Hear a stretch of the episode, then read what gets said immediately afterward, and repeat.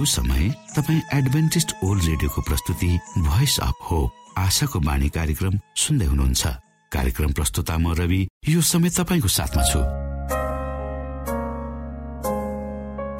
आशाका सन्देश सहित प्रेम र विश्वासको सन्देश सहित आशाको बाणी कार्यक्रम रेडियोको तरङ्ग मार्फत तपाईँको सामु आइपुगेको छ। आजको कार्यक्रमले तपाईँको जीवनमा नयाँ सन्देश पुर्याउन सकेकै होस्। हाम्रो शुभेच्छा तपाईँको निम्ति यही रहनेछ। दैनिक यसलाई सुन्ने गर्नुहोस् र आफूलाई चाहिने प्रकारको आशिष र अगुवाई अवश्य यहाँले लिन सक्नुहुनेछ भनेर हामीले आशा लिएका छौँ। आउनुहोस्। आजको कार्यक्रमलाई पनि हामी एउटा मधुर भजन सहित अगाडि बढाउँ।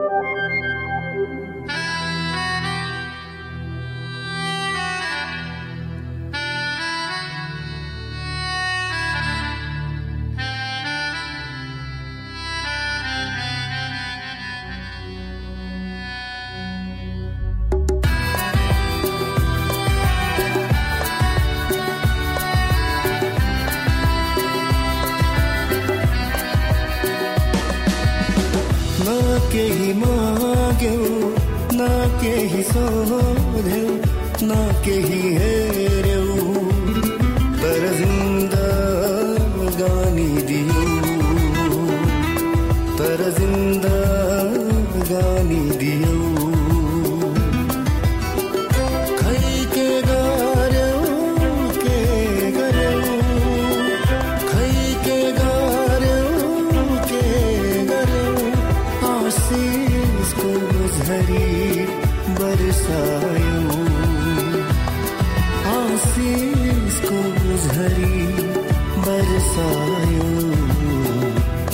केही मोह के केही सोध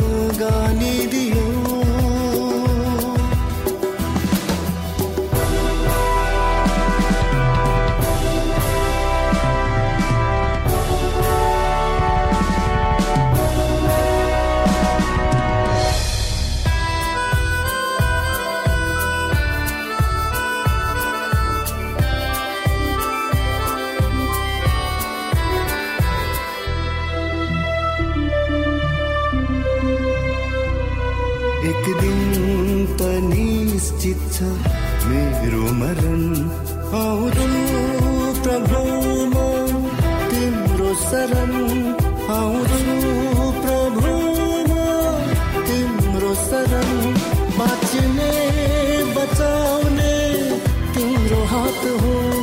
बाँच्ने बचाउने तिम्रो हात हो। म केवल तिम्रो एउटा छाप हो। म केवल तथाप छापु न केही माग्यो न केही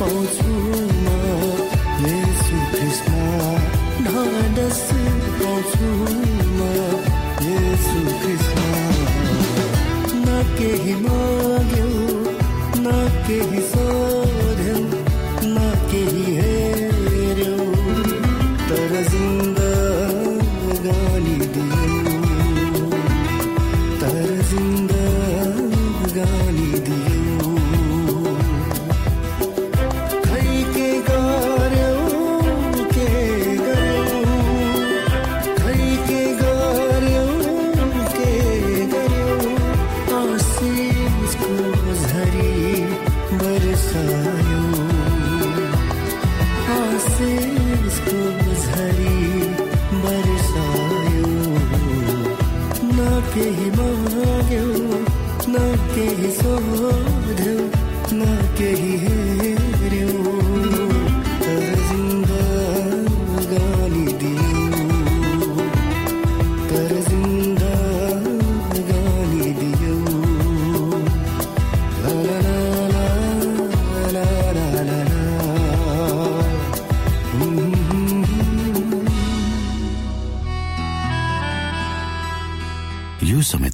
एडभेन्टिस्ट ओल्ड रेडियोको प्रस्तुति भोइस अफ होप आशाको बाणी कार्यक्रम सुन्दै हुनुहुन्छ।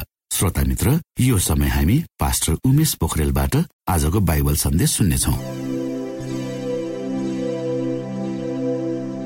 श्रोत साथी न्यानो अभिवादन साथ म तपाईँको आफ्नै आफन्त अर्थात् पास्टर उमेश पोखरेल परमेश्वरको वचन लिएर यो रेडियो कार्यक्रम मार्फत पुनः तपाईँहरूको बिचमा उपस्थित भएको छु। मलाई आशा छ तपाईँले हाम्रा कार्यक्रमहरूलाई नियमित रूपमा सुन्दै हुनुहुन्छ र परमेश्वरका प्रशस्त आशिषहरू प्राप्त गर्दै हुनुहुन्छ।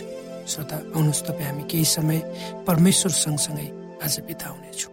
आजको प्रस्तुतिलाई पस्कनुभन्दा पहिले आउनुहोस् म परमेश्वरमा अगुवाईको लागि बिन्ती राख्नेछु। जीवित जिउँदो महान दयालु परमेश्वर प्रभु हामी धन्यवादी छौँ यो जीवन र जीवनमा दिनुभएका प्रशस्त आशिषहरू प्रभु यो रेडियो कार्यक्रमलाई म तपाईँको हातमा राख्दछु यसलाई तपाईँको राज्य र महिमाको प्रचारको खातिर यो देश र सारा संसारमा तपाईँले पुर्याउनुहोस्। ताकि धेरै मानिसहरू जो अन्धकारमा हुनुहुन्छ उहाँहरूलाई तपाईँको ज्योतिमा ल्याउनु सबै बिन्ती प्रभु यीशुको नाम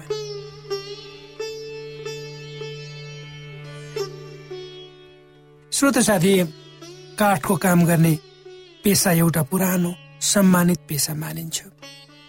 नेपालमा पनि यो पेसा धेरै पहिलेदेखि स्थापित भएको देखिन्छ। किनकि धेरै पहिले काठका सामानहरू झ्याल ढोका र त्यसमा कुदिएका बुट्टाहरूलाई हेर्दा सयौँ वर्षहरू अगाडिदेखि नै काठको काम गर्ने काम हाम्रो देशमा राम्ररी फस्टाएको पाइन्छ। काठको काम गर्ने कलाले आजको विज्ञान र इन्जिनियरिङ बनावटहरूमा ठुलो प्रभाव पारेको पाइन्छ। त्यसकारण काठको काममा रचनात्मक भूमिका देखिन्छ। अर्थात् यसमा निश्चय नै एउटा कला देखिन्छ। आज काठका कलात्मक बुट्टाहरूको कारणले नेपालको पर्यटक उद्योग फस्टाएको छ र धेरै मानिसहरू सोह्रौँ सत्रौँ शताब्दीतिर काठमा कोरिएका बुट्टा र कलाहरूलाई हेर्न टाढाबाट आउँछन् रमाउँछन् र त्यसका सुन्दरतालाई आफ्नो क्यामेरामा कैद गर्छन्। पवित्र बाइबल धर्मशास्त्रमा हेर्दा प्रभु येसुलाई पनि सिकर्मीको रूपमा देखिन्छ। उहाँका पिता युसुफ पनि सिकर्मी हुनुहुन्थ्यो। र प्रभु येसुले आफूलाई एक असल वा सिपले भरिएको सिकर्मीको रूपमा प्रस्तुत गर्नुभयो गर्नुभयो र प्रमाणित गर्नुभएको कुरो पवित्र धर्मशास्त्र बाइबलले हामीलाई बताउँछ। एउटा सिपले भरिएको सिकर्मीले निश्चय नै विभिन्न स्वरूपका काठका टुक्राहरूलाई जोड्ने काम गर्छ एउटा नयाँ स्वरूप प्रत्येक काठका टुक्राहरूमा साना साना दुलाहरू नमिलेका स्वरूपहरू र बीच बीच र बीचमा बाङ्गो टिङ्गो हुन्छन्। सिकर्मीसँग यी सिकर्मीहरूसँग ती निश्चित ज्ञान र सिप हुनुपर्छ। ताकि ती नमिलेका बाङ्गा टिङ्गा साना साना पुवाल भएका काठका टुक्राहरूलाई जोडेर एउटा सुन्दर चिज बनाउन सकियोस्। हाम्रा मुक्तिदाता प्रभु येसुसँग आफ्नो बाल्य अवस्थादेखि नै हाम्रा मुक्तिदाता प्रभु येसुले आफ्नो बाल्य अवस्थादेखि नै सिकर्मीको काममा तालिम प्राप्त गर्नुभयो। ती सासाना काठका टुक्राहरूले आफू कुन स्वरूपमा निर्माण हुनुपर्छ भनी भन्दैनन् त्यसमा उनीहरूको कुनै भूमिका पनि रहँदैन। यो त एउटा सिकर्मीको क्षमता र सिपमा भर पर्ने कुरा हो। कस्तो आकारमा ती टुक्राहरूलाई ढाल्नुपर्छ त्यसको निर्णय त्यो सिकर्मीले आफैले गर्नुपर्छ। जब प्रभु येसुले घन उठाउनु भयो। उहाँलाई थाहा थियो उक्त घन उहाँको विरुद्धमा एक दिन उठ्नेछ। जब उहाँले काठमा काँटी ठोक्नु भयो उहाँलाई थाहा थियो उक्त काँटी उहाँका हात र खुट्टामा ठोकिनेछ एक दिन भनेर। जब दिनदिनै काठको काम गरिरहनु भएको थियो उहाँलाई त्यो पनि थाहा थियो कि एक दिन उहाँलाई त्यही काठको क्रुस बनाएर हाम्रो खातिर झुन्याइनेछ उहाँको ज्यान लिइनेछ ताकि हामी बाँच्न सकौँ। उहाँ सिकर्मी पेसामा पारङ्गत हुनुभयो र अन्त्यमा हाम्रो खातिर त्यही काठमा आफूलाई बलिदान गर्नुभयो। इसाईहरूको विश्वासको केन्द्र भनेको क्रुस हो। क्रुस उहाँको शिवको उत्कृष्ट नमुना हो। नाजरत भन्ने स्थानका सबभन्दा कुशल सिकर्मीले संसारका धेरै मानिसहरूलाई उहाँको मुक्तिको महान योजनामा डोर्याउनु भयो त्यही क्रुस मार्फत। उहाँसँग एउटा सिकर्मीको पसलमा हुनुपर्ने सबै किसिमका औजारहरू थिए। किनकि तिनै औजारहरूद्वारा उहाँले परमेश्वरको राज्यको निम्ति एउटा सुन्दर र उत्कृष्ट आकृति बनाउनु परमेश्वरको राज्यको निम्ति एउटा सुन्दर र उत्कृष्ट स्वरूप बन्नको निम्ति एउटै मात्र शर्त भनेको ती काठका टुक्राहरू जसले आफूलाई सिकर्मीको हातमा छोडिदिए जति टुक्रा पारे पनि जति पटक रन्दा लगाए पनि उनीहरूले कुनै प्रतिवाद गरेनन्। गुनासो पनि त गरेनन् तर सबै कुरामा शान्त रहे आफूलाई पूर्ण रूपमा समर्पित मात्रै गरे। हामी पनि त्यस्तै हुनुपर्छ। हामी यदि आफूलाई परमेश्वरले राम्रो बनाउनुहोस् भन्ने चाहन्छौँ भने निश्चय नै हामीले आफ्नो जीवन परमेश्वरमा शत प्रतिशत समर्पित गर्नुपर्छ र उहाँको इच्छामा आफूलाई चलाउन हामी राजी हुनुपर्छ। अनि त परमेश्वरले तपाईँ हामीलाई एउटा उत्कृष्ट नमुनाको रूपमा आफ्नै हातले सिँगार्नुहुन्छ र हाम्रा जीवनका सम्पूर्ण पक्षहरूमा उहाँले उज्यालो भरिदिनुहुन्छ हामीलाई निरन्तर रूपमा उहाँले अगुवाई गर्नुहुन्छ। अन्धकारबाट उज्यालोतिर हामीलाई लानुहुन्छ। हो श्रोत साथी हाम्रा जीवनमा भएका दुलाहरू नमिलेका स्वरूपहरू हाम्रा नराम्रा भावनाहरू बानीहरूलाई लाई हामी परमेश्वरमा समर्पित गर्न तयार छौँ त ताकि उहाँले हामी ताकि उहाँले हामीलाई नयाँ रूपमा ढाल्नुहोस् नयाँ स्वरूपमा परिवर्तन गर्नुहोस् र हामी परमेश्वरको अनुग्रहद्वारा भिन्नै मानिस भिन्नै स्वभाव चरित्र र उद्देश्यको हुन सकौँ। हाम्रा जीवनमा पनि धेरै किसिमका कमी कमजोरीहरू छन्। शारीरिक रूपमा हामी असक्षम पनि छौँ। ती सबै कुराहरूको बावजुद हामी परमेश्वरमा आउन तयार छौँ। यदि छौँ भने कृपया ढिलो नगरौँ। किनकि परमेश्वर तपाईँ हाम्रो प्रतीक्षामा हाम्रो निम्ति आफ्ना आँखाहरू पसारेर टाढा टाढासम्म निहालिरहनु भएको छ। हामी कहिले आउँछौँ भनेर। यदि तपाईँ हामीले आफ्नो जीवनमा परमेश्वरलाई राज गर्न दियौँ भने निश्चय नै हामी सबभन्दा राम्रो पुलपिट हुन्छौँ जहाँबाट परमेश्वरको वचन प्रचार हुनेछ। अर्थात् हामी उहाँको वचन प्रचार गर्ने सबभन्दा उत्कृष्ट माध्यम बन्नेछौँ। त्यसको निम्ति हामीले प्रभु येसुलाई आफ्नो जीवनको स्वामी र मालिक बनाउन सहमत हुनुपर्छ। यसो मात्रै सबभन्दा निपुण पारङ्गत सिकर्मी हुनुहुन्छ। जोसँग सबै किसिमका औजारहरू छन् जसले हामीलाई उहाँका राज्यमा प्रवेश गर्नको निम्ति उपयुक्त स्वरूपमा कुद्न सक्छन्। त्यसकारण तपाईँ हामीले अहिले नै परमेश्वरमा प्रार्थना राखौँ। र भनौँ प्रभु मलाई अहिले नै तपाईँले ग्रहण गर्नुहोस्। मेरो जीवनमा भएका सबै किसिमका नराम्रा कुराहरूलाई हटाउनुहोस्। मेरा जीवनमा भएका सबै किसिमका दुलाहरूलाई पनि पुरिदिनुहोस् र एक नयाँ आकृतिमा मलाई ढाल्नुहोस्। एक नयाँ स्वरूपमा मलाई निर्माण गर्नुहोस्। तपाईँको सुन्दरता तपाईँको विशिष्टतामा मलाई उभ्याउनुहोस्। हो श्रोत साथी हामी यो संसारमा छौँ। कुनै न कुनै रूपमा हामी कमजोर छौँ। हाम्रा जीवनका धेरै क्षेत्रहरूमा हामी अशक्त छौँ। चाहे त्यो शारीरिक मानसिक आत्मिक वा अन्य कुनै पक्ष किन नहोस् यी सबै कमजोरीहरू अशक्तताहरूको बावजुद पनि परमेश्वरलाई हामी परमेश्वर हामीलाई नयाँ आकृतिमा सिद्ध बनाउन उत्सुक हुनुहुन्छ। के तपाईँ त्यस्तो परमेश्वरमा आफ्नो जीवन समर्पित गर्न चाहनुहुन्न र मलाई आशा छ अवश्य परमेश्वरले यी वचनहरूद्वारा तपाईँलाई आफ्नो जीवनमा कसरी अगाडि बढ्नुपर्छ ती ज्ञान दिनुहोस्।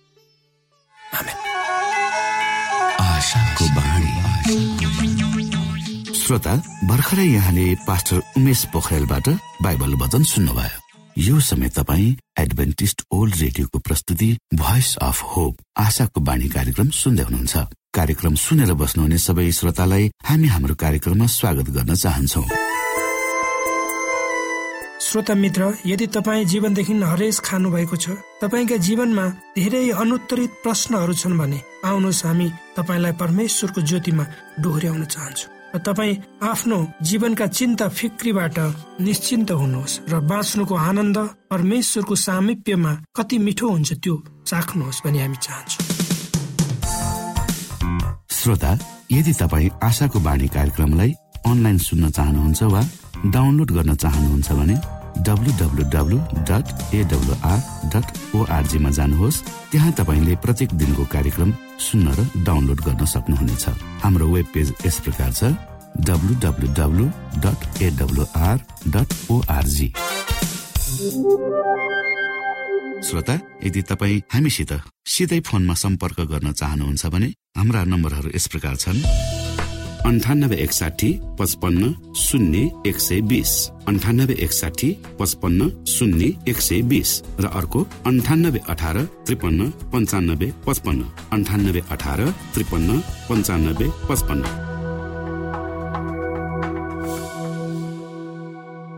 श्रोत साथी म तपाईँहरूको बिचमा पुनः गवाईको सङ्गालो लिएर आज उपस्थित भएको छु।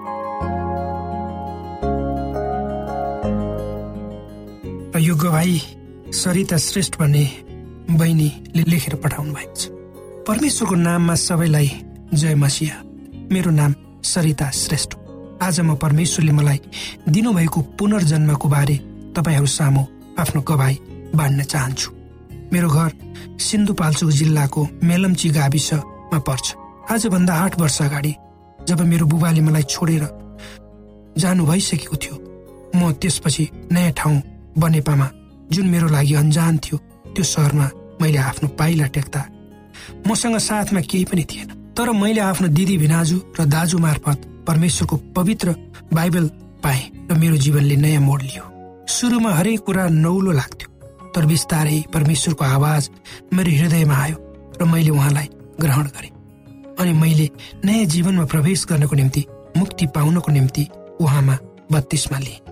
तर अचानक ठुलो कहाली लाग्दो। मेरो दुर्घटना भयो। त्यो घटनामा म र मेरो बहिनी थियौँ। म मृत्युको मुखमा पुगेँ। र मेरो प्यारो बहिनीलाई केही भएन। त्यो सब परमेश्वरको योजनाबाट भयो।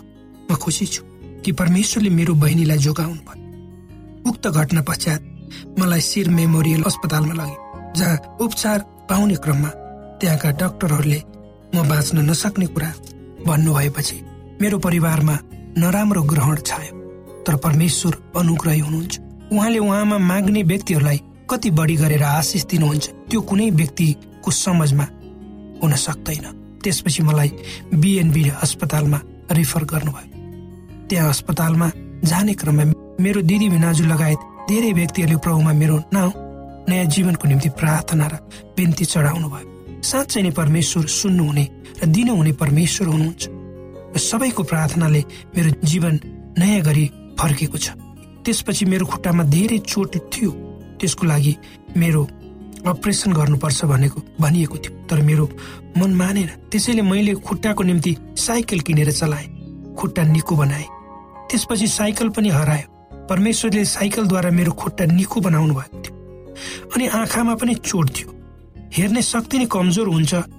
मेरो आँखा पनि कमजोर हुन्छ भनिएको थियो।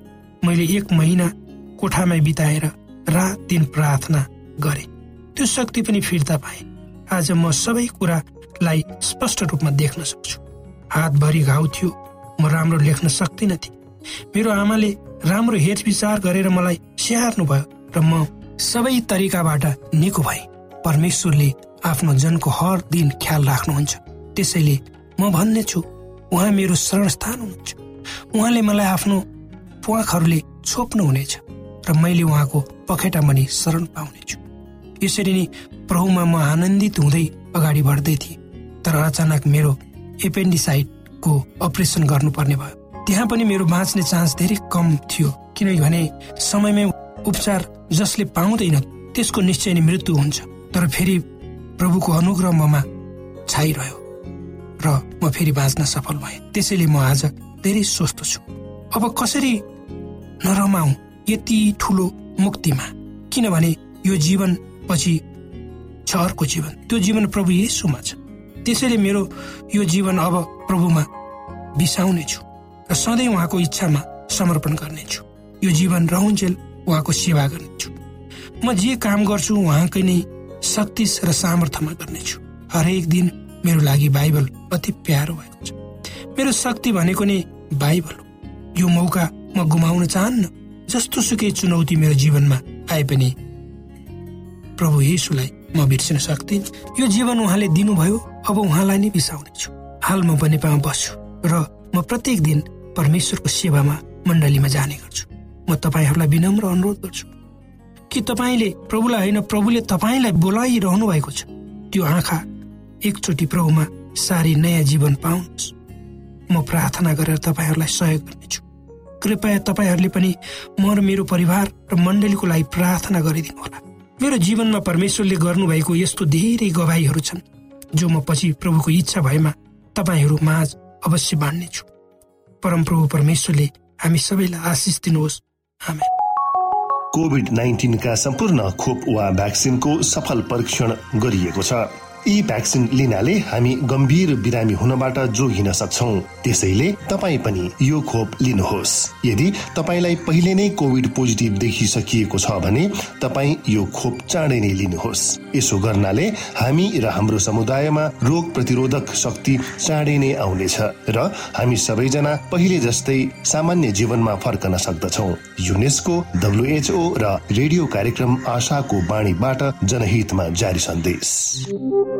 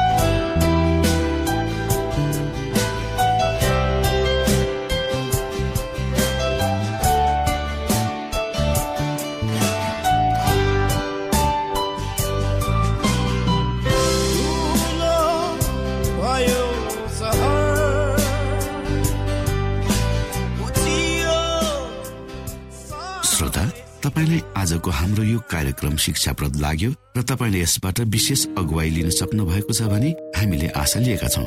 हामीसँग पत्राचार गर्ने हाम्रो ठेगाना यस प्रकार छ। आशाको बाणी पोस्ट बक्स नम्बर दुई शून्य शून्य शून्य दुई काठमाडौँ नेपाल।